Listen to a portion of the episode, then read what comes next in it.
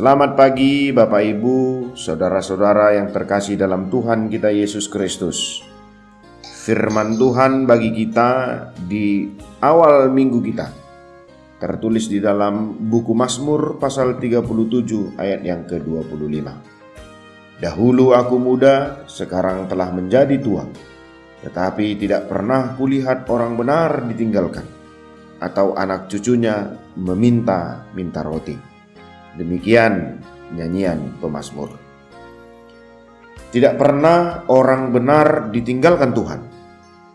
Pernyataan Daud dalam nats di atas merupakan keyakinannya atas pengalaman hidup yang dialaminya. Ungkapan dahulu muda, sekarang menjadi tua, menunjukkan bahwa sepanjang hidup Daud merasakan pertolongan dan pembelaan Tuhan yang tidak pernah terlambat. Tuhan senantiasa menyertai serta memeliharanya. Tuhan Yesus berkata kepada orang banyak serta murid-muridnya sebelum kenaikannya ke surga, "Dan ketahuilah, Aku menyertai kamu senantiasa sampai kepada akhir zaman." Yesus berjanji untuk senantiasa menyertai murid-muridnya selama-lamanya. Penulis kitab ini juga menegaskan aku sesekali tidak akan membiarkan engkau dan aku sekali-kali tidak akan meninggalkan engkau. Orang benar dapat dipahami orang yang tidak salah, betul, lurus hatinya, tidak bohong, tidak palsu dan lain-lain sesuai dengan kamus besar bahasa Indonesia. Pemahaman secara rohani orang benar adalah orang yang percaya kepada Kristus Orang yang sudah dibenarkan melalui pengorbanan Tuhan Yesus di atas kayu salib. Orang yang hidup dalam kebenaran firman. Seperti apa yang tertulis di Roma 6 ayat 18, menjadi hamba kebenaran. Amsal 2 ayat 20 berkata, tempulah jalan orang baik dan peliharalah jalan-jalan orang benar. Untuk hidup dalam kebenaran, apa yang perlu kita perhatikan dan bagaimana agar hidup kita dalam kebenaran? Pertama, dengan segenap hati mentaati pengajaran yang telah diajarkan oleh firman Tuhan. Jika ingin berkenan di hadapan Allah dan hidup kita diberkati, marilah dengan sungguh-sungguh kita taati firman Tuhan.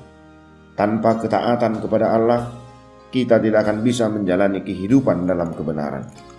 Kedua, menyerahkan anggota-anggota tubuh menjadi hamba kebenaran Kehidupan yang baik dan dibenarkan oleh Allah adalah anugerah Allah. Jika hidup kita sudah dimerdekakan oleh Allah, janganlah kita mau lagi diperbudak oleh dosa.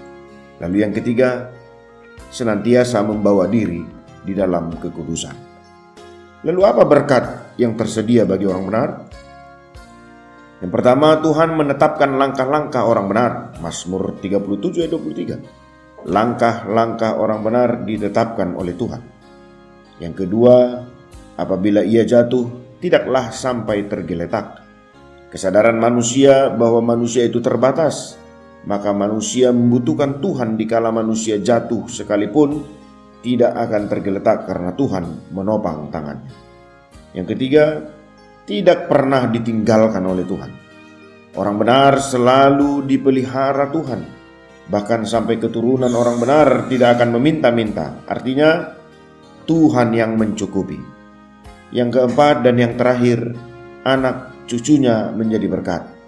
Keturunan orang benar akan diberkati dan akan menjadi berkat di dalam keluarga, gereja, dan masyarakat di sekitar kita.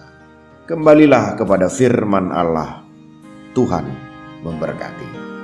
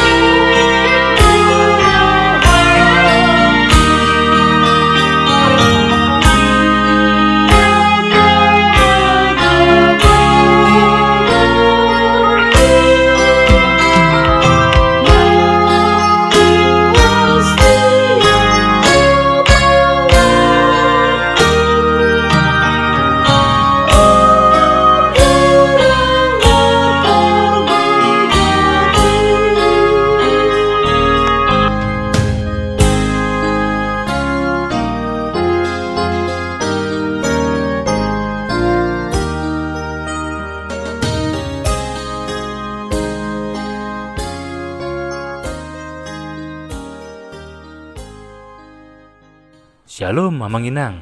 Terima kasih sudah mengawali hari dengan mendengarkan renungan hari ini. Yuk bagikan renungan harian ini kepada keluarga kita sehingga firman Tuhan itu tidak kembali sia-sia, namun berbuah dan terpelihara. Tuhan Yesus memberkati.